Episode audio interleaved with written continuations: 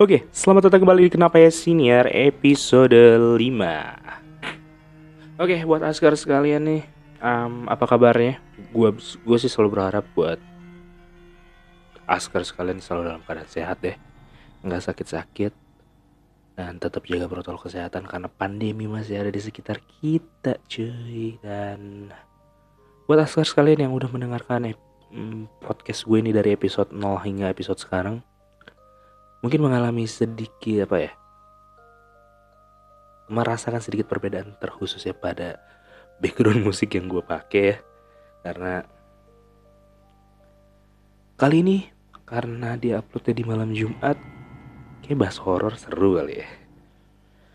Ah sebenarnya cerita horor ini udah banyak yang udah banyak gue ceritain di di di, di kalangan teman-teman gue sih. Terutama di di Twitter gue juga kayaknya udah pernah dibikin thread tentang cerita ini. Tapi nggak apa-apa lah gue ceritain ulang lagi buat askar sekalian yang mungkin belum tahu ceritanya seperti apa.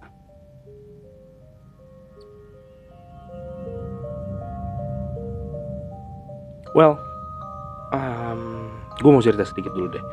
Jadi awalnya tuh gue tuh nggak percaya mengenai hal-hal seperti specifically kesurupan. Kalau hal-hal gaib lainnya gue percaya Ya karena gaib sendiri kan sesuatu hal yang tidak terlihat ya. Begitu juga dengan Tuhan karena gue percaya dengan Tuhan. Ya otomatis gue percaya dengan hal gaib lah. Cuman kalau kesurupan tuh gue mikirnya kayak eh ya kali manusia dikalahkan sama makhluk gaib gitu. Apalagi biasanya berita-berita kesurupan tuh munculnya menjelang kayak sebelum UN, sebelum SBMPTN, ini sebelum sebelum hal-hal yang ditakuti oleh pelajar lah. Jadi gue mikirnya kayak ya udahlah itu histeria masalah aja. Sampai akhirnya gue mengalami kejadian ini. Pas banget lagi. Sampai akhirnya gue mengalami kejadian ini dan kayaknya kesurupan tuh ada deh. Well selain itu juga gue pengen pengen cerita background gue jadi gue gue tuh uh, dulu sebelum pandemi ini gue tinggal di Bandung karena kampus gue juga di Bandung. Nah, karena gue bukan asli orang Bandung maksudnya, ya bukan bukan lahir di sana dan besar di sana, otomatis gue ngekos dong. Dan gue ngekos di sekitaran kampus gue, nggak jauh lah dari kampus gue. Dan gue tuh memilih kosan ini karena pertama banyak temennya, kedua harganya juga reasonable dan gak jauh dari kampus, makanya gue milih kosan ini. Well, jadi di kosan ini gue punya beberapa temen dan salah satu temen dekat gue itu adalah namanya si Ihsan. Bodoh amat nggak gue sensor. nah, jadi uh, pada suatu hari kenceng banget musiknya bersana. Jadi pada suatu hari di hari Jumat gue inget banget. Kalau nggak salah sih di bulan di bulan Septemberan tahun. Kalau tahunnya gue masih inget 2017, cuman gue lupa bulannya. Kayaknya sih bulan September dah jadi hari Jumat teman kosan gue si Isan tuh nanya ke gue nanya ke gue sore-sore. Eh Vic kira-kira hari Sabtu besok lu kosong nggak? Hmm, terus gue tanya ya ya kosong-kosong aja kenapa emang ya? Terus kata dia kata si Isan ini mau nggak lu temenin gue buat survei lapangan buat acara proker gue jadi Kondisinya pada saat itu si Hisan ini jadi ketua salah satu proker atau program kerja yang dilaksanain sama sama badan eksekutif lah, badan eksekutif mahasiswa gitu. Karena dia ini salah satu anggota di badan eksekutif mahasiswa. Dan karena dia ketua proker, intinya proker itu diadakan di sebuah kota X ya kita sebut aja.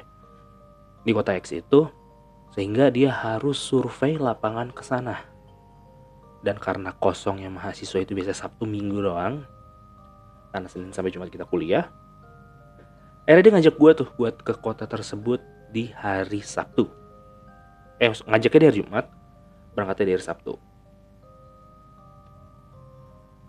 Nah habis itu ya gue iyain lah.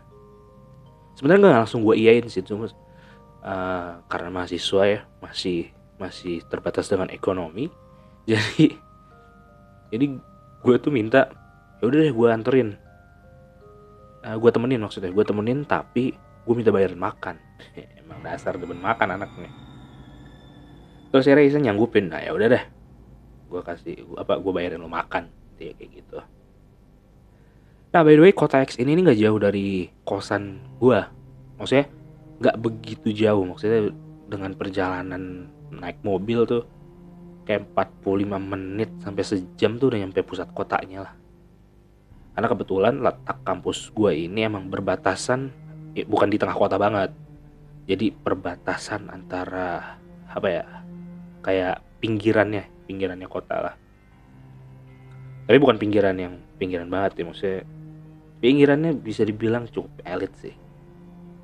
Dan banyak tempat wisata banyak coffee shop. Ya lu kira-kira sendiri lah di mana dan dari pinggiran kota ini eh maksudnya dari kosan gue ini ke kota kota X ini kayak cuman itu 45 menit sampai sejam lah. Kalau nggak macet. Cuman karena hari Sabtu Isan ngajaknya gue berpikiran kayak hm, kayaknya bakal macet nih kalau hari Sabtu. Jadi akhirnya gue minta ke dia buat kita berangkat pagi-pagi banget. Ya pagi-pagi bangetnya mahasiswa jam 9 lah ya jam 8 jam 9an udah nih akhirnya Sabtu tiba. Sabtu tiba terus ya biasalah. Uh, dan ini btw pakai mobil si Isan nih. Jadi waktu itu kita siap-siap dan gue pada bawa kayak bawa kayak bawa tanaman gitu deh. Kayak kalau nggak salah sih ini buat peringatan Hari Tani Nasional gitu. Jadi ya ada beberapa tanaman yang emang pengen disurvei apa pengen dibawa gue lupa dah cerita cerita percisnya tapi yang gue inget sih si Isan ini ngebawa tanaman buat buat dibawa ke kota X ini. Udah kan kita jalan setengah per nggak tengah perjalanan sih baru sekitar 15 menit jalan lupa cuy tanamannya dibawa. Jadi ya hari kita balik lagi ke kosan tuh. Balik ke kosan dan kita caw lagi ke kota X ini. Nah oh ya gue baru ingat. Jadi uh, si San tuh survei lapangan ke sana tuh buat pertama buat survei lapangan jelas sama bayar DP tenda gitu buat acara buat acara di sana. Dan nih akhirnya gue pergi lah kayak sekitar jam setengah sembilan nih karena mungkin balik lagi mungkin kayak jam sembilanan deh. Start start bener-bener jalan ke kota X nya akhirnya jalan nih.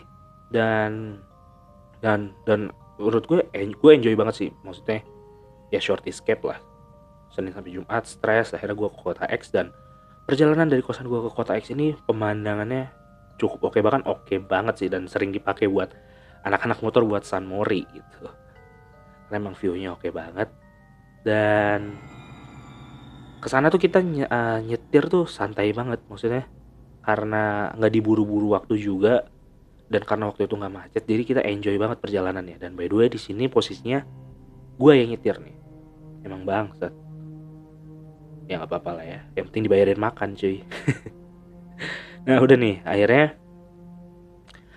karena kita santai banget jalannya jam 9an akhirnya jam 10 lebih jam 10 apa jam 11 kita lapar karena kita belum sarapan kan?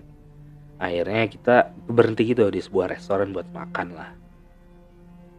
Nah kita makan dan gak jauh dari tempat makan itu ternyata kita sampai di desa di mana acaranya si Isan ini progres Isan ini bakal dilaksanain dan desa itu nggak jauh dari jalan raya utama jadi um, ini gue kasih yang gambaran deh. Jadi desa ini tuh letaknya itu masih di wilayah kota X. Cuma dan emang udah memiliki kota X cuman nggak nggak nggak di tengah kota banget gitu loh.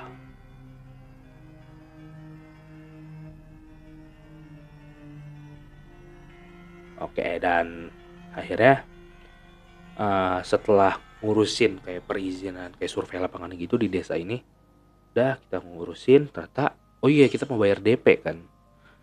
Nah, karena di daerah desa itu nggak ada nggak ada apa namanya? Nggak ada ATM akhirnya kita harus ke pusat kota X ini. Kita harus ke pusat kota X. Terus akhirnya ya udahlah.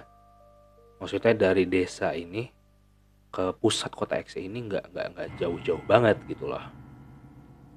Udah nih kita jalan jalan ke pusat kota X Nah, di sini nih, ini jangan ditiru sih.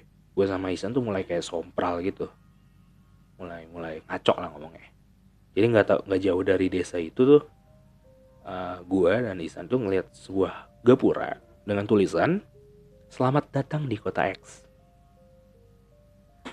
nah di sini nih gue mulai sompral sama dia jadi setelah gue lewat gapura yang pertama itu dari jauh tuh kita ngeliat kayak ada laki-laki kayak paruh baya gitu umuran kayak 40-50 tahun gitu make baju serba hitam gondrong dan diem aja gitu di pinggir jalan nggak ngapa-ngapain. Bener-bener kayak stone aja gitu di pinggir jalan nggak ngapa-ngapain. Dan setelah mobil gue dan Isan setelah mobilan kita kita tumpang ini nih lewat setelah kita perhatikan ternyata bapak-bapak itu itu ngeliat ke arah kita sambil komat kamit gitu. Dan gue jujur nggak ngerti si bapak-bapak ini ngomong apaan. Dan begonya gue sama Isan tuh ngebercandain dia. Gue ngomong gini anjir san itu juru juru kunci kota ini kali ya. Kita diucapin selamat datang nih kali ya. Terus Isan jawab iya Fik.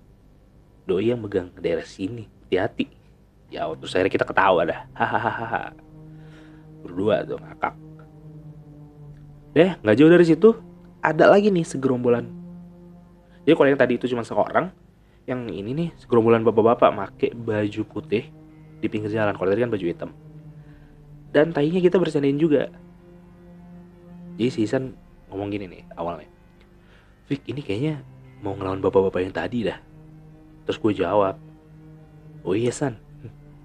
Tadi bukan juru kunci tadi bukan juru kunci kayaknya tapi dukun di sini anjing sih emang gue sompral banget tuh ya kata-katanya. Dan uh, si Isan jawab lagi tuh. Iya Fik. Kayaknya bapak-bapak baju putih itu mau tawuran dah sama yang baju hitam tadi. Tim hitam melawan tim putih tawuran. Entah gue entah gue lucunya di mana ya cuman ya percakapannya nggak kayak gini ya. Cuman pada saat itu gue ngerasa kayak anjing lucu banget tuh tiba-tiba ada dua bap dua bapak-bapak ada bapak-bapak segerombolan bapak-bapak parubaya yang pakai baju putih sama seorang bapak-bapak yang pakai baju hitam kayak woi ilmu hitam ilmu putih. Kita ngerasa lucu aja waktu itu. Memang sompral juga sih. Dan selama perjalanan itu sebenarnya kita banyak banget bikin jokes yang menurut gue sompral banget lah. Dan salah satu yang terparah mungkin yang bercandain dua bapak-bapak ini yang satu yang komat kamit yang tadi itu dan setelah kita ngelewatin gap eh, setelah setelah setelah itu ya setelah kita ngelewatin bapak-bapak tadi kita ngelewatin satu gapura lagi yang tulisannya selamat datang di kota X. Ah, maksudnya gini loh. Pada saat itu kita entah kenapa nggak ngerasa heran gitu. Ya kita ngerasa heran cuma kita bodoh amat aja. Maksudnya anjir kok selamat datang di kota di sebuah kota ditulisnya dua kali. Dan di dalam rute atau jalan yang sama. Mungkin kalau halnya kayak satu kota ada dua gerbang atau dua jalur menuju kota itu dengan jalan yang berbeda ditulis dengan dua gapura selamat datang kota X ya mungkin sama-sama ya mungkin oke-oke aja. Tapi ini di, di dalam satu jalur yang sama gitu loh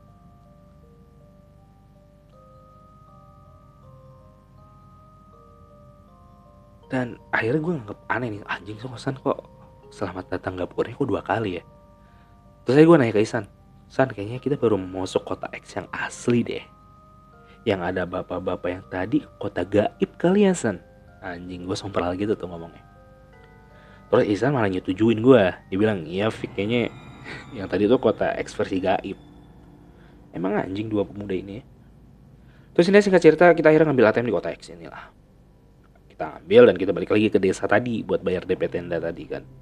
Terus waktu perjalanan balik nih kita berdua nggak mikir gapura tadi. Tapi gue sama Isan ngelihat bapak-bapak pakai baju hitam yang tadi. Itu lagi. Jadi kalau yang baju putih itu gue ya, kita nggak lihat lagi. Tapi kalau yang bapak-bapak pakai baju hitam tadi itu kita ngeliat lagi. Dan bapak-bapak yang pakai baju hitam tersebut itu berdiri nggak gerak dan sambil komat kamit juga. Dan lagi-lagi dia sambil ngeliat ke arah kita. Dan tanya ini ya dua orang ini nih gue sama Isan tuh bukannya takut malah bilang Taufik juru kunci masih betah aja di situ. Tuh tuh kata Isan tuh ya. Terus gue jawab lagi ya namanya juga yang jaga daerah sini san emang anjing itu orang eh kita berdua kita berdua waktu itu ketawa sih. Kita ketawa dan ya buat yang ngedenger jangan pernah ngelakuin ini lah ya sombral daerah orang terus setelah akhirnya urusan bayar DP selesai akhirnya kita pulang lagi nih. Ke ke ke, kosan kita di Bandung. Setelah kita pulang di jalan nih si Isan gak kayak biasanya. Jadi tiba-tiba tuh dia diem banget. Terus ya tapi akhirnya dia ngomong juga sih kayak Pik minggir dong gue mau sebat. Terus gue bilang kan ya udah sih sambil jalan aja sebat mah. Terus dia bilang kayak enggak enggak enggak enakan berhenti dulu aja. Terus dia akhirnya bilang stop lah depanan biar abunya nggak masuk mobil. Dan ini nih uh, posisinya tuh kira-kira udah otw maghrib udah udah deket-deket maghrib. Dan karena alasan dia yang logis mungkin ya karena ya itu mobil dia juga dia pengen bersih akhirnya gue yain tapi gue berhenti bukan di tempat rame tapi gue tuh berhenti yang di tempat yang kiri kanannya itu hutan jadi kita itu berhenti di situ benar-benar nggak ada orang cuman ada mobil-mobil yang lewat aja yang pengen menuju ke ke arah ke arah kota Bandung ini dan akhirnya kita berdua nyebat tuh awalnya Isan tuh buang abunya itu lewat jendelanya. Jadi gini, pas pulang itu kondisinya gue juga yang nyetir. Jadi gue di sisi kanan, Isan di sisi kiri. Dan ini kita menepi di sisi kiri kan. Secara logis kan harusnya kalau misalnya si pen apa ya penumpang pengen sebat gitu ya, apalagi di barisan depan ya udah dia tinggal buka pintu kirinya, ya udah buang abunya. Awalnya Isan emang kayak gitu. Awalnya Isan kayak gitu, tapi ini orang tiba-tiba gue juga akhirnya sebat juga kan dari sisi pengemudi di sisi driver dan gue otomatis buangnya ke kanan lah karena gue di lebih dekat jendela kanan tentunya udah gue lagi enak-enak nyebat tiba-tiba si Isan nih buang abunya tuh lewat jendela gue padahal kan di kiri dia ada jendela bos. Kenapa harus harus lewat harus lewat apa namanya harus lewat jendela gue terus akhirnya dia buang abunya tuh lewat jendela gue dan pas gue tanya dia jawab kan eh, kenapa lu buangnya ke jendela gue kenapa lu nggak buang ke jendela lu? Terus dia jawabnya gini apa-apa nggak apa-apa Fik banyak angin kalau lewat jendela gue terus gue jawab lagi lah yang deket jalan raya kan jendela gue san yang ba yang malahan banyak angin tuh jendela gue kiri lu tuh nggak ada mobil lewat nggak ada orang lewat nggak ada kendaraan lewat ya otomatis nggak banyak angin kalau di kiri Ntar gue kan ada mobil lewat push push push itu kan bakal lebih banyak angin di sisi jendela gue terus akhirnya dijawab dah apa apa Fik ini karena gue males debat karena udah malam udah udah otw maghrib juga akhirnya gue udah ngebolehin aja jadi selama sebat itu kita ada di posisi yang awkward banget. Gue ngebuang di jendela gue tapi si Isan tuh dari kiri itu ngebuangnya ke arah jendela gue ada udah tuh selesai sebat. Eh ya gini. Sampai buang putungnya cuy. Buang putung rokoknya itu ke arah jendela gue ke arah kanan ke arah yang ada jalan raya. Bukan ke arah kiri. Gue nggak tahu sih alasannya kenapa. Terus akhirnya setelah setelah kita sebat potong dari buang. Dia bilang cabut fik. Nggak enak gue terus gue nanya kan cabut kenapa san? Nggak enak ya udah cabut aja. Ya udahlah. Gue gak mikir panjang juga akhirnya lah cabut. Dan pas nyampe Bandung ternyata kita kejebak macet. Ya karena karena ya emang waktu itu hal malam minggu juga kali ya Bandung Bandung rame lah karena kita kejebak macet akhirnya buat ngilangin suntuk gue tuh ada ide guys eh San kita dengerin cerita horornya Ardan kali ya. Karena buat lo yang suka mendengar Ardan mungkin tau lah cerita cerita cerita yang cerita horor yang suka diputar di radio Ardan. Tapi waktu itu gue nggak puter di radio Ardan ya gue puter di YouTube. Gue puter di YouTube. Akhirnya gue waktu itu belum ada di UC What I See lah kalau di podcast. Jadi buat cerita-cerita horor kita biasanya muter Ardan dan akhirnya kita kita play, eh, kita play tuh di YouTube Ardan. Gue sambungin ke kabel aux buat dimasukin ke speaker mobil. Dah dia harus setuju lah. Dia setuju. Dan dari kita play cerita horor si Arda di di Ardan Radio ini di YouTube. Terus waktu itu gue juga mikirnya macet. Jadi ya nggak mungkin serem lah ya. Macet kiri kanan mobil klakson ya kan itu tuh posisinya udah sekitar mungkin sekitar jam setengah tujuh lah. Setengah tujuh malam lah kita nyampe Bandung tuh. Udah udah gelap gue ingat waktu itu. Nah setelah gue denger cerita horor yang di Ardan ini yang kita putar di YouTube ini ternyata cerita horor itu serem juga cuy. Cerita cerita emang serem serem gitu dan begonya pas macetnya udah kelar gue sama Isan ini malah ngeplay salah satu lagu di YouTube. Itu namanya Rintihan Kuntilanak. Lu bisa search juga deh di YouTube. Kayak masih ada. Akhirnya kita play um, lagu Rintihan Kuntilanak ini sampai nyampe kosan. Lu bayangin dari dari macet tadi itu sampai ke kosan. Dan udah tuh akhirnya kita nyampe kosan sekitar jam jam 8an eh setengah 8 mungkin setengah 8 malam karena macet tadi. Nah ini gue nggak ngerti sih. Jadi pas nyampe kosan itu gue tuh ngeliat raut muka Isan tuh kayak tiba-tiba berubah gitu loh. Kayak capek banget pucat yang kayak anjir kayak udah sehari nguli gitu. Padahal dari awal pergi terus kita muter-muter di kota X buat nyari ATM sampai pulang lagi ke Bandung itu gue yang nyetir. Maksudnya secara logika harusnya gue yang capek dong. Mana waktu waktu itu mobilnya manual apa matic? Matic sih kayaknya. Tapi kan tetap harusnya gue yang capek bukan dia yang capek. Terus akhirnya um, pas pas apa ya pas pas gue ngeliat di sini kayak aneh banget ya terus akhirnya ya udahlah singkat cerita akhirnya gue masuk ke kamar gue ini udah sampai kosan kan? Gue masuk ke kamar gue dia masuk ke kamar dia. Tapi karena bosen ya ini kan posisinya malam minggu ya? Posisinya malam minggu. Dan baru setengah delapan juga gitu kayak. Dan terus gue mikir kayak ya, ya aduh ya kali malam malam cepet banget gitu lewatnya kan. Terus akhirnya gue kayak ya udahlah gue ke kamar Isan aja Nah, gue pengen jelasin dulu deh background atau latar dari kosan gue ini. Jadi kosan gue ini berbentuk letter U dan kalau misalnya gue bilang letter U, lu jangan ngebayangin U-nya itu yang melengkung ya. Kita bayangin huruf U di jam digital di seven segment huruf U gitu.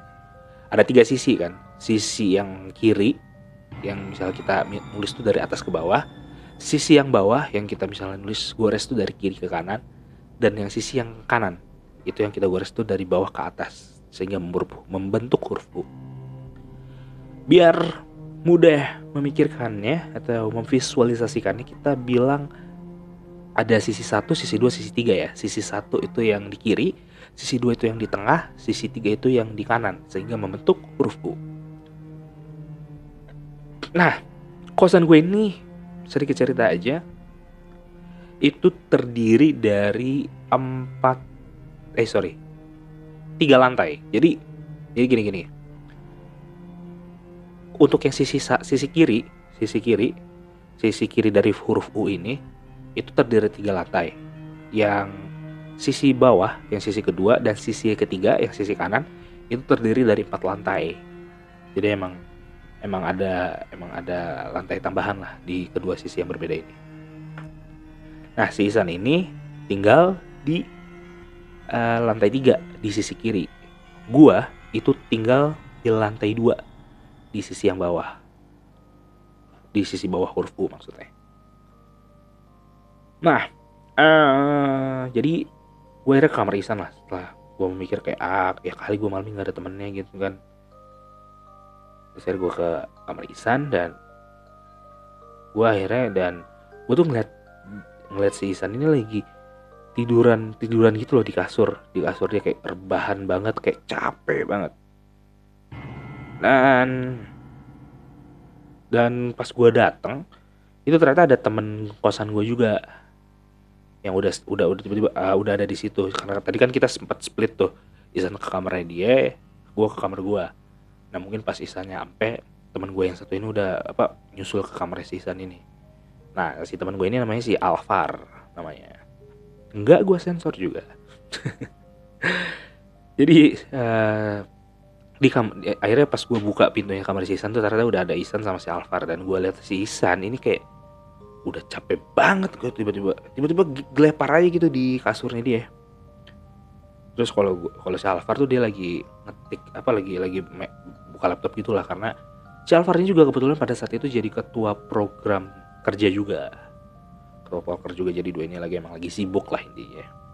Dan karena gue udah lapar banget deh itu udah jam kayak udah jam setengah delapanan lebih deh. Akhirnya gue ngajak mereka berdua si Alvar sama si Isan ini buat makan yang deket-deket aja di kosan. Akhirnya kita cengtri lah naik motor gue karena ngapain juga naik mobil kan deh? Sekitar masih sekitaran kosan jadi kita bertiga cengtri ke warung sate yang ada di sekitaran kampus gua. Nah, di sini mulai aneh nih. Di sini mulai kejadian ada ada sedikit kejadian anehnya. Dan akhirnya kita pesan dah. Si Alvar mesen sate, Isan tuh pesan sate sama gule. Sementara gue tuh gule doang waktu itu. Gue sampai inget makanannya. Gue tuh gule doang. Akhirnya dan setelah nunggu, akhirnya makanan datang nih. Tapi waktu itu nasinya itu kurang satu lagi. Akhirnya setelah kita duduk nih duduk di tempat satenya makanan udah datang semua nasi kurang satu. Akhirnya gue pergi lagi nih ke abangnya. Gue buat minta nasi. Terus akhirnya gue gue ngeduluin Alvar sama Isan buat makan duluan lah. Yaudah lu, lu berdua makan duluan aja gue urusin nasi gue nih yang kurang nih kan. Ada gue caw beranjak dari meja buat ke gerobak si abangnya buat minta nasi satu lagi. Nah buat kejadian ini uh, eh, gue diceritain sama si Alvar. Jadi setelah setelah cerita ini selesai gitu ya gue tuh diceritain, diceritain sama Alvar. Jadi pas gue caw buat ngambil nasi ke gerobak abang satenya Alvar, Alvar cerita nih. Jadi si Isan itu selama gue ke abang-abang sate dia tuh ngambil makanan gue sambil ngomong jangan bilang Vicky ya jangan bilang-bilang Vicky ya Far. Hehehehe. Sambil ngambil gulai gue tadi jadi gue tuh baru tahu kejadian ini setelah semua kejadiannya selesai. Baru Alvar tuh cerita ke gue jadi pada saat di tempat sate Isan ngelakuin hal itu. Dan dan dan gini gue ceritain dulu deh si Isan ini nih anak itu kalau buat buat apa ya buat makanan tuh anaknya nggak pernah minta minta tanpa izin sumpah ada se sepanjang pengalaman gue temenan sama dia dia tuh nggak pernah minta makanan tanpa izin kecuali rokok. Hei Isan, Anda suka mencuri rokok? Sama, saya juga suka mencuri rokok Anda. Pokoknya kalau urusan rokok baru tuh kita saling mencuri satu sama lain. Begitupun dengan korek ya. Tapi kalau makanan dia tuh nggak pernah nggak pernah apa ya nggak pernah ngambil tanpa izin gitu loh. Jadi ya itu cukup janggal sih menurut gue. Dan kalau kalau misalnya gue ke Isan beda lagi gue suka mintain makanannya dia sih tapi kalau dia ke gua itu itu nggak nggak nggak nggak pernah minta tanpa izin kalau makanannya. Jadi intinya yang dilakuin itu menurut gue sih cukup aneh kalau dilihat dari kebiasaannya. Jadi pas dia bilang jangan bilang-bilang Vicky ya Far. Hehehe dia tuh kayak tuh kayak anak kecil aja gitu anak kecil nyuri makanan tau gak sih lo sambil senyum-senyum yang jangan bilang Vicky Vi jangan bilang-bilang Vicky ya Far. Hehehe. Itu yang yang dicerita sama Alvar sih nah yang bikin aneh lagi di sini Izan tuh udah kayak nggak capek gitu kayak ceria aja gitu kayak cheer sementara tadi di kosan dia tuh kayak pucat pucat nggak ada nggak ada nggak ada semangat hidup anjing. Tapi di sini nih tiba-tiba waktu kita lagi makan nih lagi makan sate sama gulai ini tiba-tiba tuh dia bacot banget anjing. Ini beda banget sama waktu tadi di kosan. Dan setelah itu tiba-tiba tuh dia cerita cerita dari mulai mantannya lah apanya lah. Sementara tadi di kosan kita ajak ngomong diem diem diem aja. Ya waktu itu sih gue mikirnya mungkin karena mungkin udah ketemu makanan kali ya jadi bisa bacot ya. Nah intinya setelah itu setelah makan kita bayar lah biasa. Ya karena kita mahasiswa kita bayar masing-masing lah. Jadi gue dulu bayar terus Alvar terus ini juga aneh jadi pas giliran si Isan mau bayar, anak kenapa tuh kayak nih anak bengong doang anjing. Kayak kosong banget tau gak sih? Lu pernah ngeliat teman lu yang kosong gak sih? Kosong banget dan kayak nggak tahu mau ngelakuin apa gitu loh kayak bengong. Sementara gue dan Alvar tuh dan abang-abang satu udah kayak nungguin dia gitu loh. Eh ini udah giliran lu anjing buat bayar. Gue gue udah bayar Alvar udah bayar. Tinggal lu nih abangnya juga tahu gitu tinggal lu yang belum bayar. Sampai akhirnya ditepuk lah si Isan ini sama si Alvar Woi, bayar San. Dan si Isan tiba-tiba sendawa kayak sendawa itu bukan sendawa yang uh, kenyang gitu bukan, tapi sendawa yang pengen muntah, tau gak lo? Sendawa yang uh, itulah, eh lo tau sendiri lah. Sendawa yang pengen muntah kayak gimana. Terus ditanya lagi kan sama si Alvar, Kenapa lu San? Enggak Alvar, gue capek. Kata Isan kayak gitu.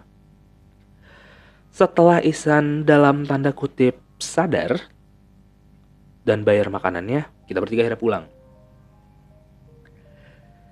Tapi pas gue lihat mukanya si Isan itu itu kayak beda banget cuy. Kayak orang capek yang banget. Padahal sebelumnya kan tadi kan ceria-ceria tuh anak. Si anjing tuh habis pas lagi makan tuh bacot banget. Bacot, ceria, senyum-senyum bahkan yang tadi kata yang pas gue diceritain sama si Alvar pas dia minta makanan gue tuh yang jangan bilang-bilang Vicky dia tuh sambil senyum-senyum gitu. Dan ceria-ceria aja gitu. Tapi pas naik motor ini kok kok jadi jadi jadi cemberut gitu intinya si Isan tuh raut mukanya tuh balik lagi kayak waktu tadi di kosan itu yang dia rebahan di kasurnya dia terus setelah sampai kosan si Alvar bilang ke gue kayak eh gue masih ada sisa minuman tuh. Kalau mau kalau mau ambil ambil aja di kamar gue gue mau ngerjain tugas nih di kamar Isan kayaknya. Terus gue bilang oke okay, Far minuman gratis ya gak sih? Malam minggu minuman gratis adalah hal yang terbaik. Jadi gue akhirnya oke oke aja tuh. Akhirnya gue uh, ke kamar gue sementara Isan sama Alvar tuh ke kamar Isan karena si Alvar tuh mau ngerjain tugasnya di kamar Isan terus akhirnya deh gue kamar gue dan setelah gue santai-santai gue main HP gitu kayak 15 menit 10 menit gitu ya. Akhirnya gue ke kamar Alvar karena gue mau ngambil minuman yang tadi ditawarin itu. Nah kamar si Alvar ini letaknya di lantai juga lantai tiga juga sama si Isan. Cuman bedanya itu dia di sisi kanan di sisi ketiga.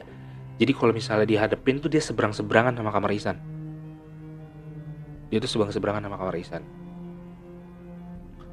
Nah hmm, akhirnya karena gue tinggal di lantai dua dan gue mau ke kamar Alvar di lantai tiga gue naik tangga dong. Pas gue naik tangga uh, gue papasan gitu sama si Alvar. Jadi pas gue nyampe lantai tiga ternyata si si Alvar tuh dari arah kamar Isan mau ke kamarnya dia. Gue juga mau ke kamar dia kita, kita papasan. Akhirnya ternyata dia mau ngerjainnya di kamar dia aja nggak jadi di kamar Isan. Terus ya udahlah kebetulan kebetulan apa namanya kebetulan gue juga pengen pengen pengen ngambil minuman di kamar dia kan. Ya udah akhirnya gue ngikut juga kamar Alvar kan. Nah ini sedikit flashback flashback aja ya. Jadi ini gue diceritain dari point on view si Alvar. Jadi pas si Alvar di kamar Isan tadi kan pas datang dari war apa dari sate tuh gua kamar gua Alvar sama Isan kamar Isan jadi pas Alvar di kamar Isan tadi jadi udah selesai ceritanya Alvar cerita ke gua. Pas di kamar Isan tadi itu tuh doi ngeliat ngeliat si Isan tuh laganya aneh banget cuy. Jadi dia tuh si Isan ini tiduran cuy. Tiduran di kasurnya dia. Buka laptop. Dia kayak dengerin musik pakai earphone.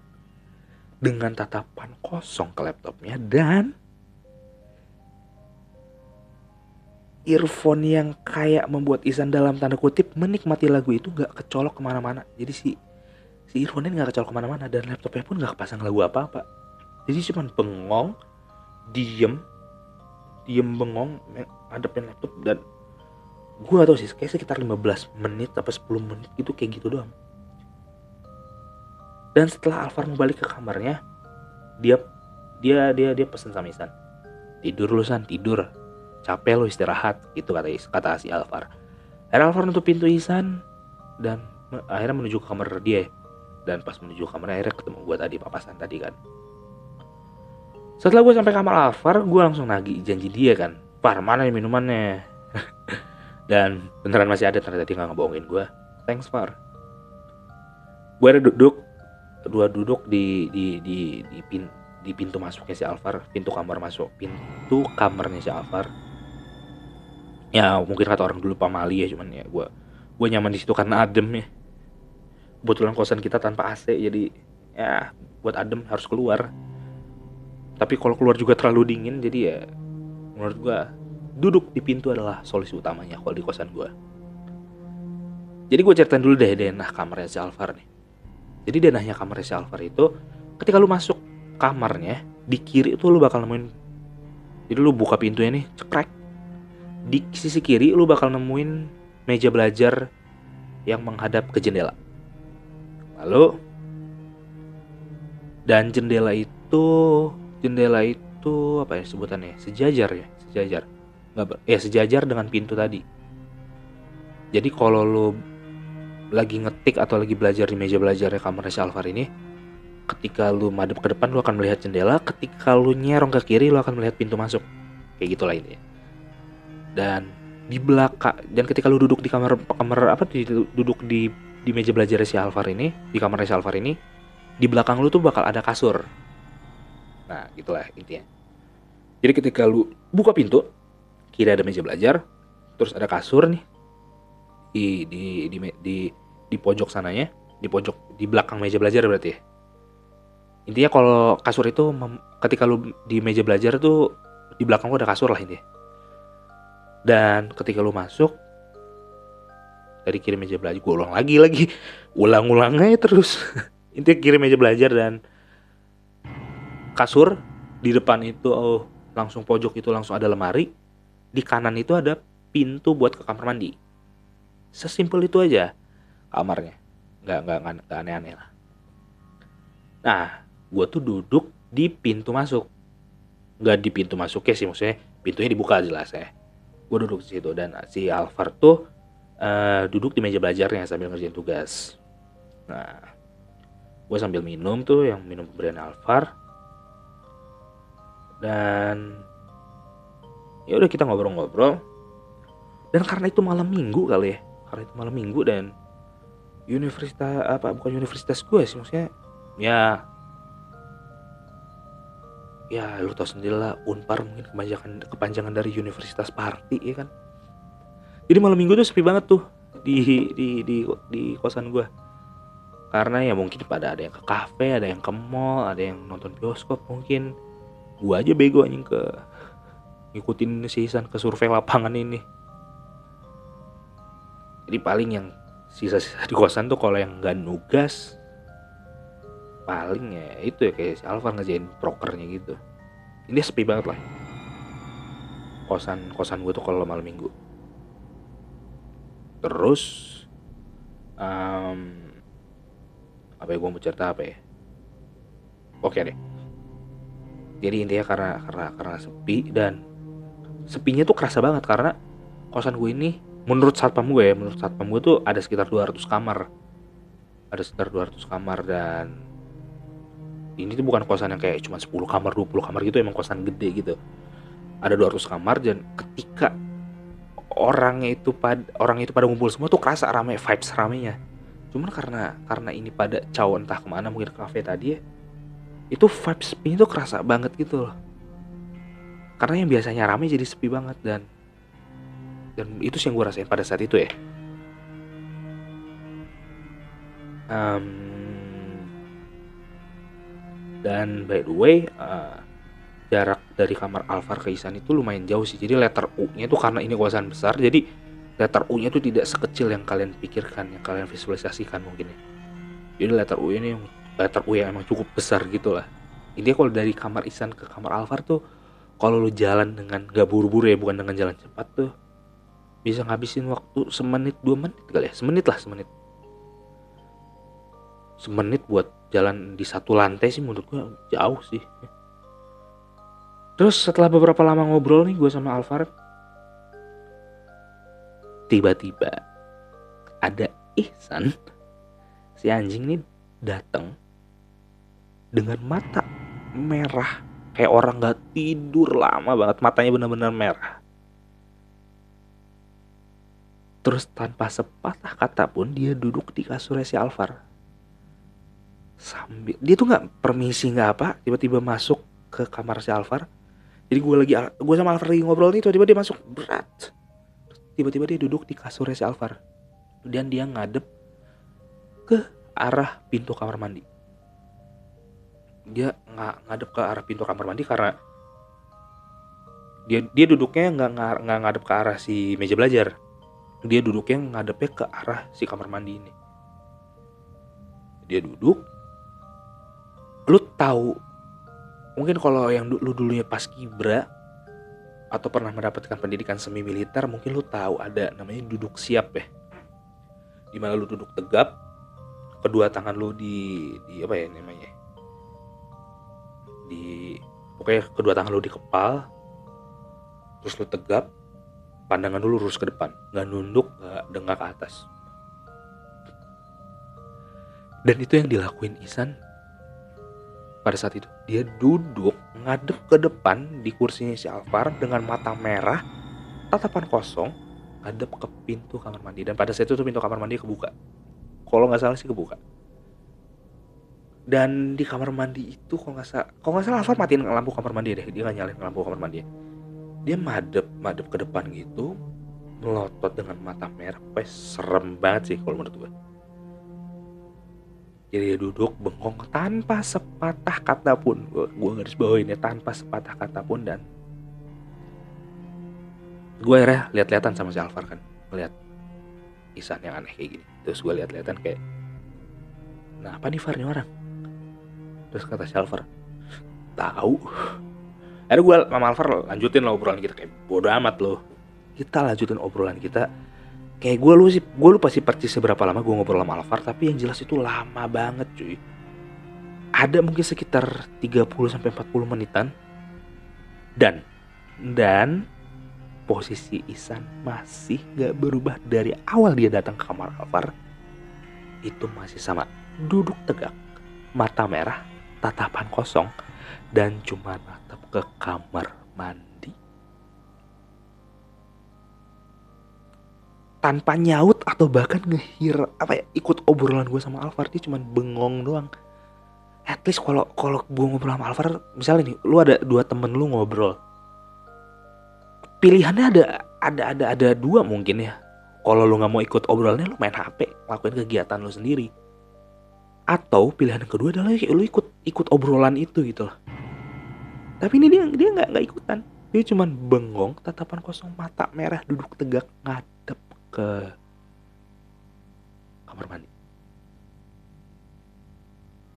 Nah udah kan akhirnya karena melihat keadaan tersebut akhirnya gue tatap-tatapan lagi nih sama si Alvar. Dan akhirnya gue bilang kayak Far kenapa tuh? Kenapa tuh anak tuh coba lu tepuk dah karena emang bengong banget cuy bener-bener. Bener-bener kayak kosong gitu nggak ada nggak ada nggak ada isinya tatapannya. Terus gue minta Alvar tepuk Far tepuk. Nah um, sedikit tambahan juga. Jadi pas belum gue minta Alvar nepok tuh gue sama Alvar tuh lagi ngomongin bahasan gue inget banget tentang tentang mobil tentang mobil. Terus bahasan tentang mobil itu jadi panjang lah intinya mustahil lah kalau Isan gak denger tentang hal tersebut gitu dan akhirnya ditepuk lah si Alvar Wah. Oh Isan, apa lo? Kata si Alvar gitu kan Terus Isan jawab kayak Gak apa-apa Alah Gak apa-apa Tadi denger gak obrolan terakhir gue sama Vicky apaan? Terus Isan jawab Denger kok Tentang mobil kan Terus Alvar nanya lagi mobilnya kenapa emang?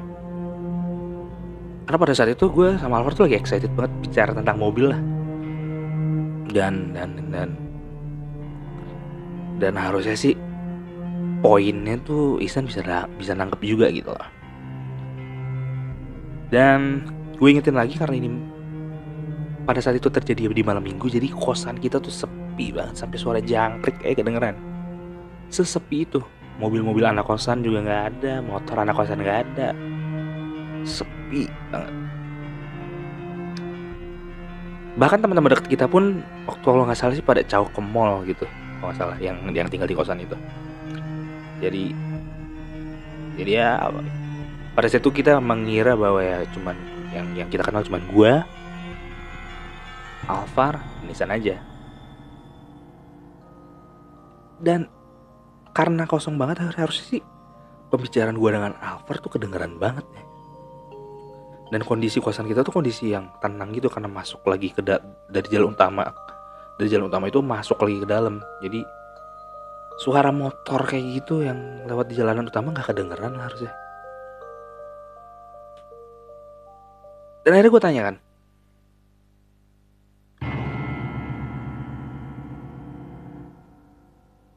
maksudnya si Alvar nanya gitu kayak mobilnya kenapa san? Dan dengan nada dan ekspresi yang kosong banget lo tau gak Isan jawab apa?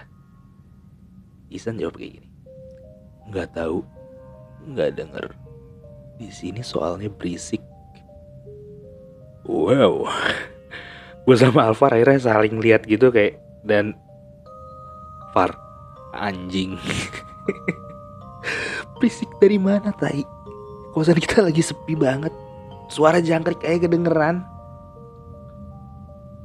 Dan akhirnya setelah Isan ngomong kayak gitu akhirnya dia keluar kamar. Akhirnya setelah ditepuk dan setelah ditegur dia keluar kamar dan kalau mau keluar kamar kan karena gue posisinya itu duduk di pintu ya maksudnya di di pintu masuk situ akhirnya otomatis dia ngelawatin gue kan. Uh, dan ini serem sih. Jadi pas pas dia mau ngelawatin gue gitu dia nggak ngomong apa-apa dia cuma manggut kayak permisi sambil senyum ke arah gue dan serem banget senyumnya.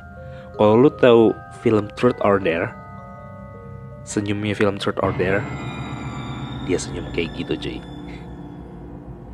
Nggak ngomong apa, cuman permisi, gimmick permisi lu tau lah. Sambil senyum Truth or Dare, asli merinding banget cuy waktu itu gue. Gue langsung merinding dan seketika gue bilang, bilang ke Alvar gitu kayak, Far, tuh anak kenapa bego? Nyusul Far, karena gue takut anjing. Jadi jadi gue gue gak mau gue yang nyusul. Gue minta Alvar yang nyusul lah. Dan singkat cerita akhirnya Alvar nyusul lah. Emang pemberani banget anjing Alvar. Salut gue Alvar sama lu.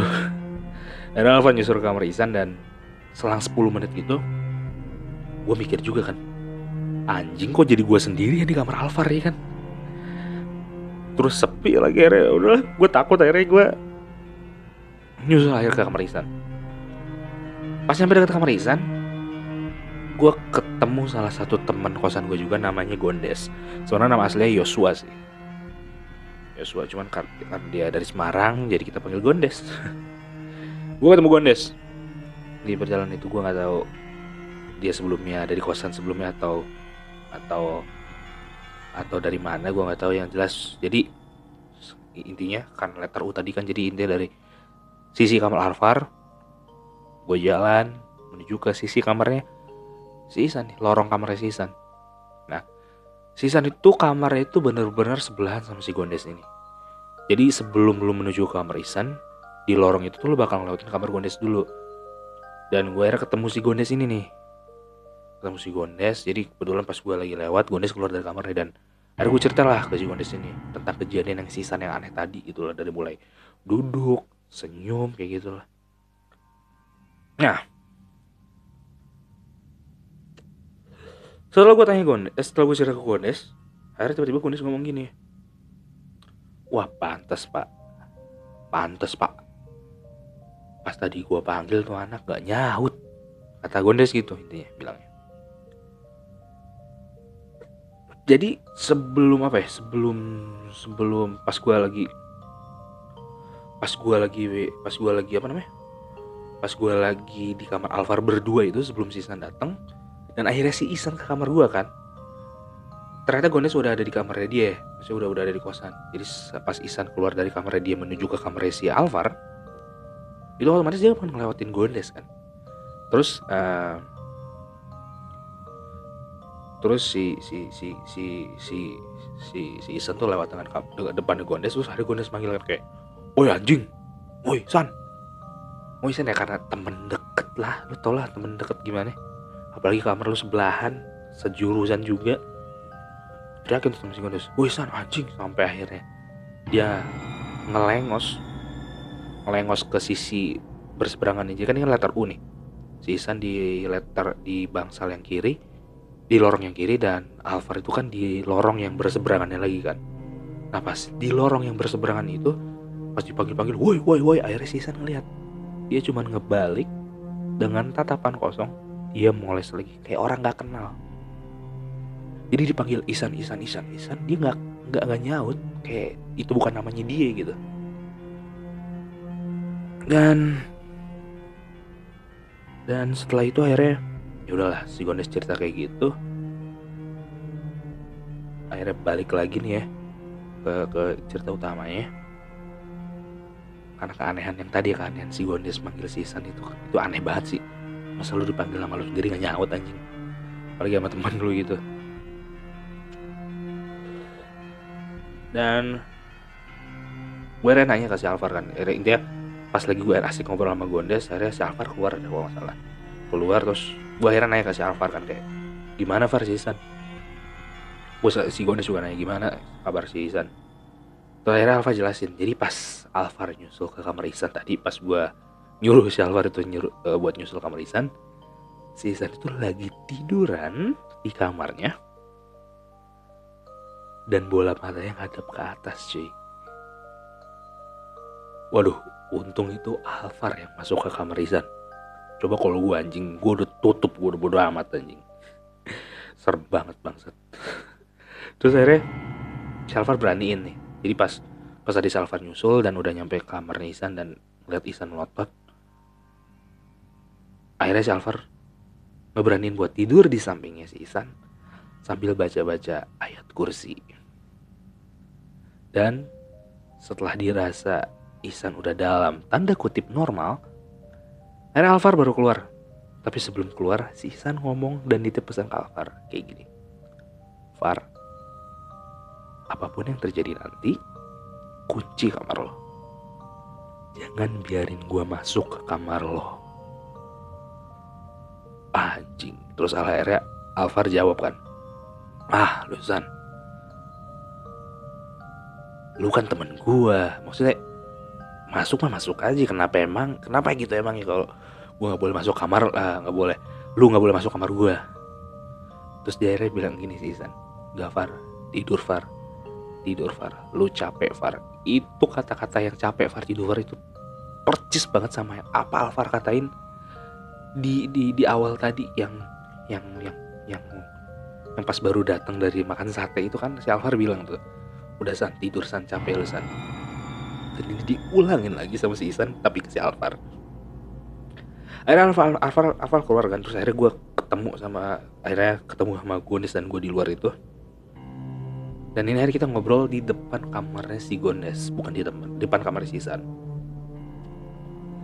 di sini kita akhirnya rangkum tuh kejadian-kejadian aneh. Gue ceritain dari dari mulai gue sama dia gue sama, gue sama Isan ke kota X kita sompral segala macam kejadian aneh tadi dia buang putung rokok. Kenapa nggak di pinggir kiri sisi jalan tapi dia malah buang ke jalan raya?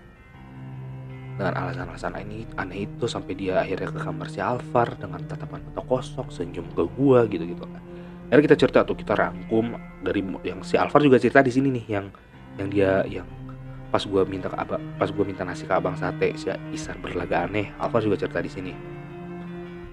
Dan setelah kita rangkum akhirnya kita mau mastiin nih kayak ini Isan apa bukan sih? Akhirnya kita bertiga nyusun strategi gitu cuy. Nyusun strategi kita susun pertanyaan-pertanyaan pertanyaan berlapis. Jadi dari mulai yang semua orang tahu teman-teman biasa tahu teman-teman deket tahu sampai yang temen deket banget tahu sampai yang intim banget lah. Yang kayak cuma Isan sama beberapa orang doang yang tahu. Kita susun pertanyaan itu buat mastiin. Eh, ini bener Isan gak sih? Itulah dan akhirnya waktu itu kayak pokoknya waktu berjalan gitu ya kayak karena karena gue juga waktu itu ngobrol sama Alvar cukup lama terus gue juga waktu itu nunggu nunggu si Alvar apa pas gue nyuruh Alvar caw sana tuh kayak caw ke kamar Isan tuh kayak gue nunggu sendirian di kamar Alvar sekitar 20 15 sampai 20 menitan gitu pokoknya intinya setelah kita nyusun strategi matang-matang dan gue ceritain semuanya ke Gondes sama si Alvar itu tiba-tiba waktu udah sekitar pukul satu malam. Jadi udah masuk hari minggu nih. Nah singkatnya gue Alvar dan Gondes akhirnya coba masuk ke kamar Isan buat mastiin kalau ini emang dalam tanda kutip ihsan awalnya gua awal Gondes dulu nih masuk ke kamar sambil nyalain lampu nyalain lampu kamar Isan jadi dinyalain cetak akhirnya disusul sama Alvar dan baru gue terakhir karena gue takut nyet. Emang anjingnya gue pas awal Gondes nyalain lampu gue sama Alvar tuh ngeliat kalau si Isan ini kayak udah tidur nyenyak gitu loh udah selimutan dan gue sama Alvar akhirnya sempat bilang kayak udah des aman aman. Dia kayak tadi cuman kecapean doang kali lah. Tapi Gondes tuh kayak masih kekeh gitu loh dan bilang enggak pak enggak pak. Ini harus harus kita cek pak. Terus akhirnya um, gue sama Alvar akhirnya setuju buat ngecek si Isan. Dan awalnya kita awalnya kita ngebangunin Isan tuh kayak uh, uh, kayak ngebangunin kayak san san bangun san bangun san gue tuh toel dia di kasur ya kan san san bangun san dan ini posisinya pada saat itu setelah dibangunin dan Isan bangun Posisi itu Gondes itu berada di kasur bersama Isan. Gue sama Alvar itu di bawah di lantai. Gue tuh di bawah lantai dan ya Gondes di kasur lah masih Isan, masih Isan. Terus setelah bangun, biasa kita bertiga basa-basi lah. Oh bangun, masa malmingan jam satu udah tidur sih? Ngobrol-ngobrol dulu kali kita. Ya kan, gitulah kira-kira basa-basinya. Terus Isan jawab, apa sih? Capek gue mau tidur. Tapi kayak nada marah gitu loh. Ya, mungkin wajar ya wajar ya kayak lu udah tidur terus dibangunin ya marah lah ya naik selimut gitu kayak apa sih gue mau tidur dan singkat cerita akhirnya setelah basa-basi tarik menarik biar dia mau bangun akhirnya dia akhirnya mau bangun.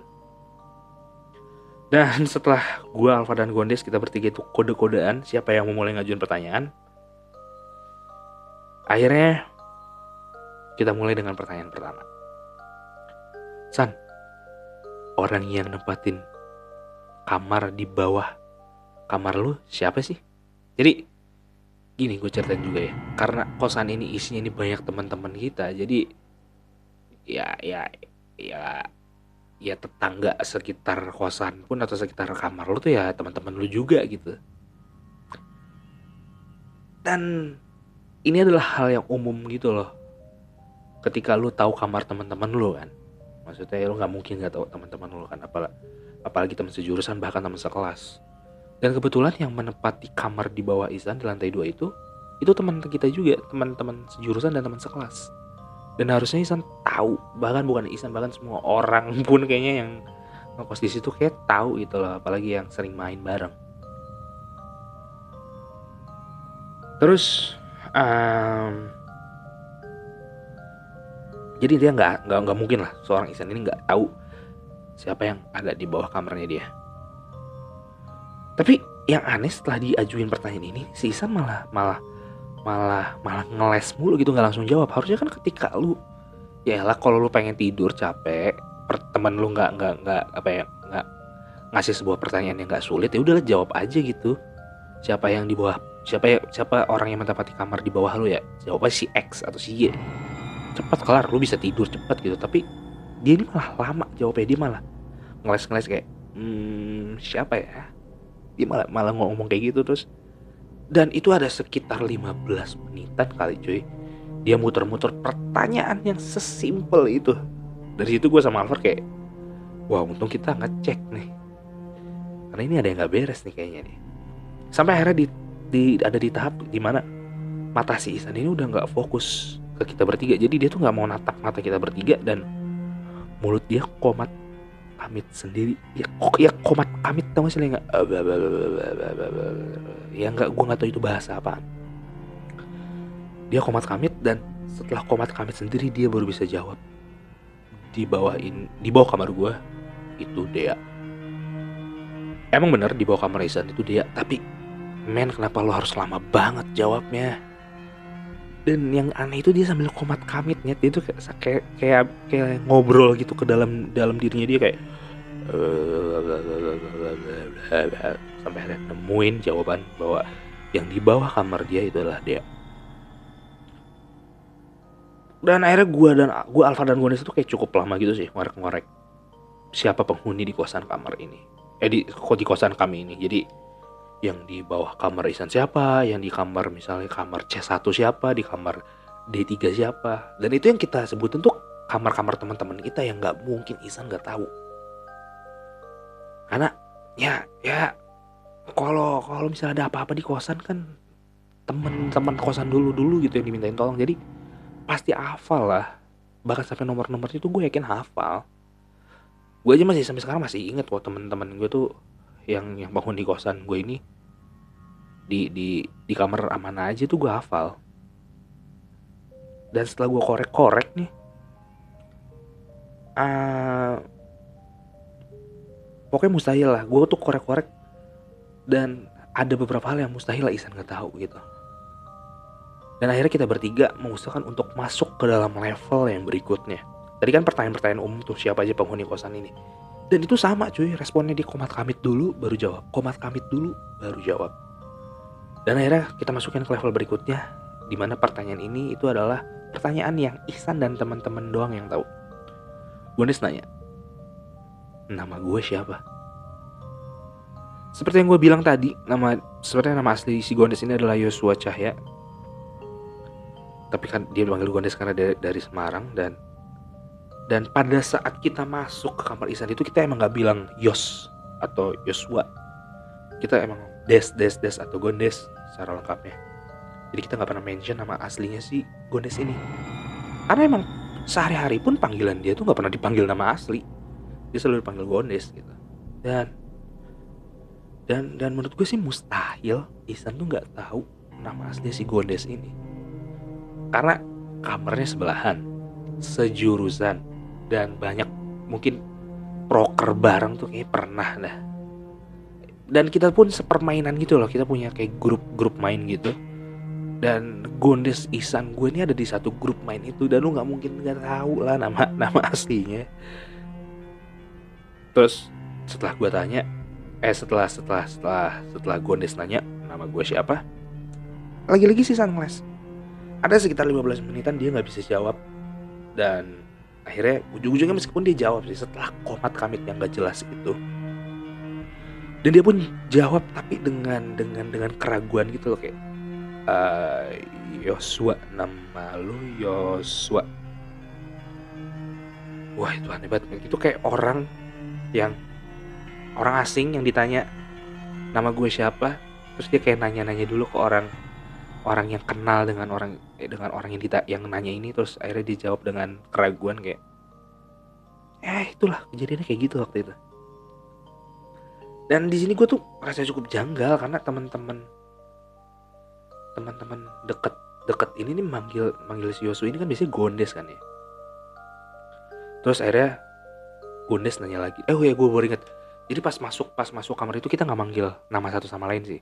Jadi kayak gue nggak pernah negur Alvar kayak Far atau Alvar negur gue Fik atau kita berdua negur si Gondes itu Des itu kita nggak pernah sorry sorry gue tadi salah nyebut. Jadi kita nggak pernah nggak pernah nggak pernah apa ya nggak pernah nggak pernah nyebut nama satu sama lain. Pas kejadian itu pas di kamar si Isan ini. Dan setelah ditanya sama si Gondes nama gue siapa? Kalau orang asing yang pada saat itu datang mungkin nggak akan tahu karena kita nggak akan nggak nggak manggil nyebut nama satu sama lain tapi karena harusnya si Isan ini bener misalnya beneran Isan dia akan jawab dengan mudah dong. Namanya Yosua atau Gondes gitu kan. Dan yang menurut aneh sorry gue beringat lagi yang menurut aneh di sini adalah ketika ditanya namanya siapa tuh harusnya dia tuh akan dengan mudah jawab Yosua atau Gondes kan. Tapi dia jawab lama dan akhirnya dia jawab Yosua. Terus akhirnya kita tanya dengan lebih dalam lagi. Oke Yosua bener. Terus Gondes nanya lagi Nama panggilan gue siapa pak? Nama akrab kita. Nama panggilan akrab teman-teman dekat ke gue. Panggilannya apa coba? Dan lagi-lagi Isan ngeles lagi. Dan lu tau gak Isan jawab apa? Dia jawab sambil kayak sedikit senyum gitu. Dia jawab kayak gini. Yosua, gue biasa panggil lo Yosua. semua orang juga panggil lo Yosua padahal men di circle kosan kita bahkan di di kampus bukan di kampus mungkin di di di, di permain di circle, circle permainan circle kosan. Bahkan circle jurusan tuh nggak ada yang pernah manggil nama dia Yosua kecuali dosen. Karena dosen kan harus manggil nama asli ya. Tapi ini manggilnya dia bilangnya nama akrabnya adalah Yosua. Itu aneh banget sih. Terus akhirnya kita skip. Oke ini mulai janggal nih. Dia nggak tahu nama akrabnya si Yosua atau si Gondes. Ini harusnya dia jawabnya kan akhirnya kita lanjutin ke pertanyaan terdalam pertanyaan lebih dalam lagi. San siapa nama pacar lo? Dan lo tahu lagi-lagi dia cuma bisa jawab. Dia dia dia, dia ngeles dengan jawab kayak gini. Masa lu nggak tahu nama pacar gua sih? Dan dan dan waktu itu tuh Isan tuh masih pacaran sama seseorang yang namanya Vena dan ada kali sekitar 30 menit gue inget banget ini yang paling lama nih. Ini yang bikin kenapa gue sama Gonde sama Alvar tuh yakin ini bukan Isan jadi 30 menitan cuy dan waktu itu kayak sekitar udah hampir jam 3 pagi dah. Sampai jam 3 pagi dia nggak bisa jawab. Dia nggak bisa jawab nama pacarnya sendiri siapa ya? Dan setelah sekian lama, setelah 30 menit ditanya dipaksa, siapa nama pacar lo? Siapa nama pacar lo? Dia kayak, dan selama itu juga dia ngeles kayak, udah gue mau tidur, gue mau tidur. Terus akhirnya dia komat kamit dan dia bisa jawab, tapi pak jawabnya nggak lengkap pak. Dia cuma jawab fan. Serem gak lo? harusnya kan lu jawab nama pacar lu asli ya udah jawab lengkap aja tapi dia cuma jawab fan terus dia ditanya lagi sama kita bertiga siapa nama pacar lu biar lebih mempertegas gitu loh fan fan tapi makin kecil gitu loh semakin kayak ragu lu tau gak sih seketika lu dicecer sama do dosen lu atau guru lu dicecer sebuah pertanyaan dan cecer lagi cecer lagi dan akhirnya lu ngerasa kayak kayak bukan ini jawabannya kayak bukan ini jawabannya nih Nah itu yang kita rasakan, yang kita lihat pada saat itu pas Isan kita tanya dengan pertanyaan siapa nama pacar lo. Dia cuma bisa jawab fan, fan, fan. Akhirnya makin kecil dan singkat cerita, di sini gue sama Alvar yakin akhirnya kita bertiga tatap tatapan, kita saling kode kayak kita yakin it's not Izan. Ini ini kayak ada sesuatu dalam dirinya dia. Terus akhirnya Gondes itu langsung ngerejang tangannya Isan sambil kenceng banget sambil melotot dan dengan yakin ke arah Isan dan bilang siapa kamu siapa kamu gue inget banget tuh gue teriak ke mata ke matanya Isan dengan tatap siapa kamu dan yang bikin gue terkejut adalah reaksi si Isan yang langsung ngedorong Gondes dorong apaan sih untungnya Gondes kuat iman kali ya jadi dia langsung megang tangan Isan lagi dan masih nanya, Siapa kamu? Keluar dari tubuh Isan.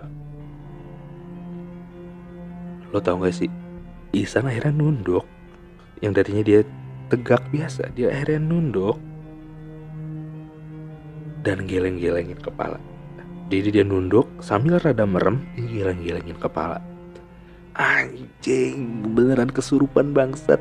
Di sini gue akhirnya pertama kali sih ngeliat live orang kesurupan gue sama Harfar akhirnya lihat-lihatan lihat-lihatan lihat-lihatan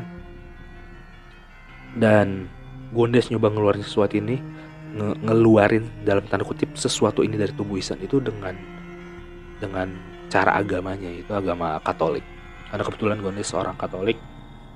Jadi dia melepaskan sesuatu ini dengan pakai cara agamanya dia lah. Dan sementara gue itu inisiatif buat ambil air putih dan buka botolnya. Ya karena gue liat di film-film kali ya. Karena gue dan Alvar ini muslim akhirnya kita bacain pakai ayat kursi botol itu. Dan jujur gue baru ngeliat proses eksorsis secara live make dua agama karena kalau lo biasanya di film-film kan pakai satu agama ya conjuring pakai satu agama doang atau atau rukiah gitu kan pakai satu agama doang. Di sini pakai dua agama cuy. Dua kepercayaan dijadiin satu. Eh gue baca baca ayat kan. Karena ya tadi gue ambil botol gue baca bacain pakai ayat kursi dan tiba-tiba Ihsan masih berontak pas dipegang Gondes. Sampai akhirnya Gondes nanya siapa nama kamu? Gue awalnya mikir mana ada punya nama kan tapi akhirnya Isan nunduk lagi. Dan entah kenapa gue kesuges apa gimana gue nggak ngerti kenapa. Tapi gue ngedenger suara Isan beda banget. Berat tiba-tiba suara Isan tuh berat banget dan dia jawab siapa nama kamu? Oke ditanya ditanya cecer gitu sama Gondes kan siapa nama kamu? Akhirnya Isan jawab Rom.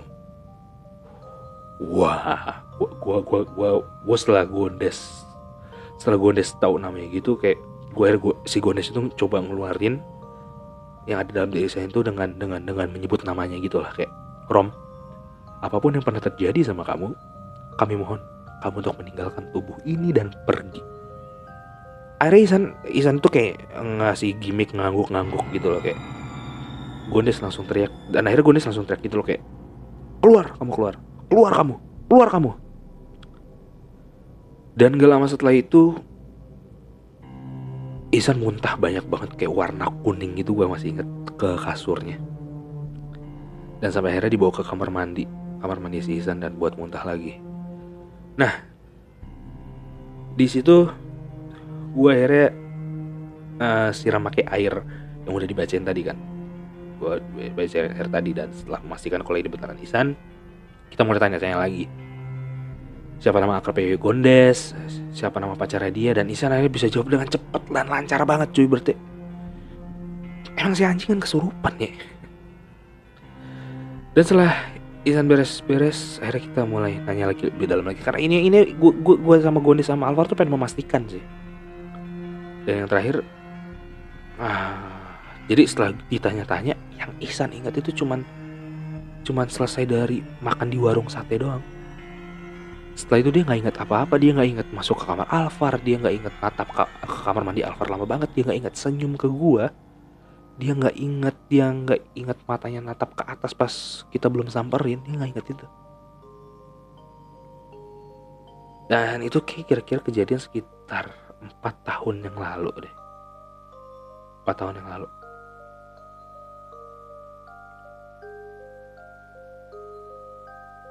4 tahun lalu ya benar-benar. Dan oh ya gue baru ingat lagi gue baru ingat. Jadi pas gue bacain ayat kursi gue ingat buat aduh anjing ini serem banget sih.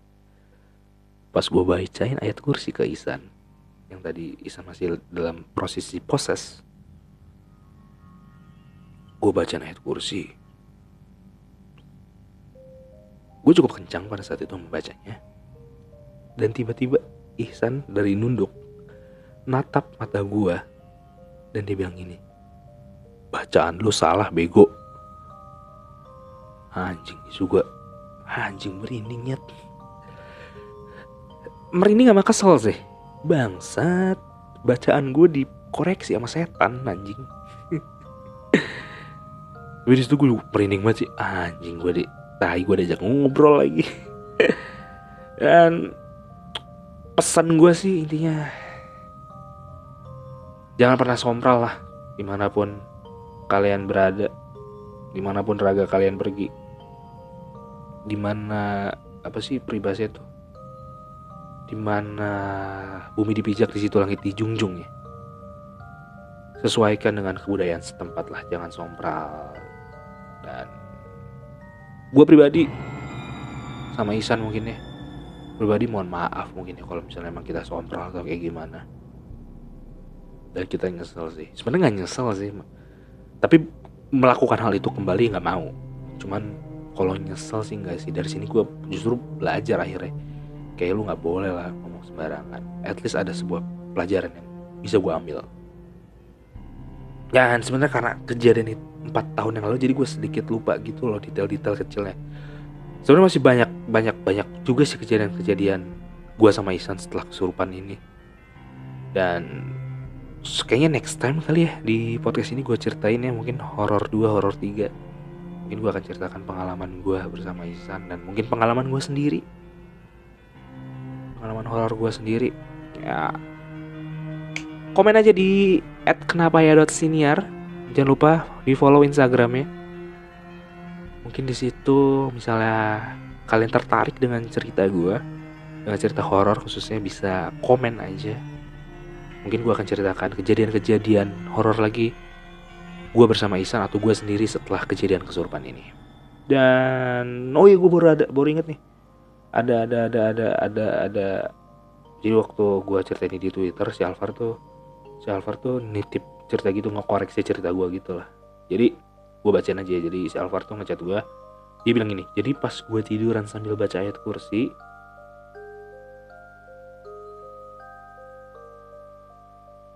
oh ini nih ini. Jadi pas gue baca ayat kursi jadi pas gue tiduran sambil baca ayat kursi jadi pas jadi ini kondisinya gue ada di kamar Alvar Gondes ada di kamar Gondes Ihsan sama Alvar lagi di kamar Ihsan. Yang pas setelah Ihsan permisi ke gue itu kan si Alvar nyusul tuh ke kamar Ihsan. Ini kejadiannya pas pas ini nih pas si Alvar sama Ihsan berdua doang di kamar nih. Jadi pas gue tiduran yang sambil baca ayat kursi itu kata si Alvar gue korek-korek si Ihsan kan nanya kayak badan eksekutif mahasiswa dan lain-lain gitu. Tapi dia tuh kayak bingung gitu. Makanya gue makin merinding.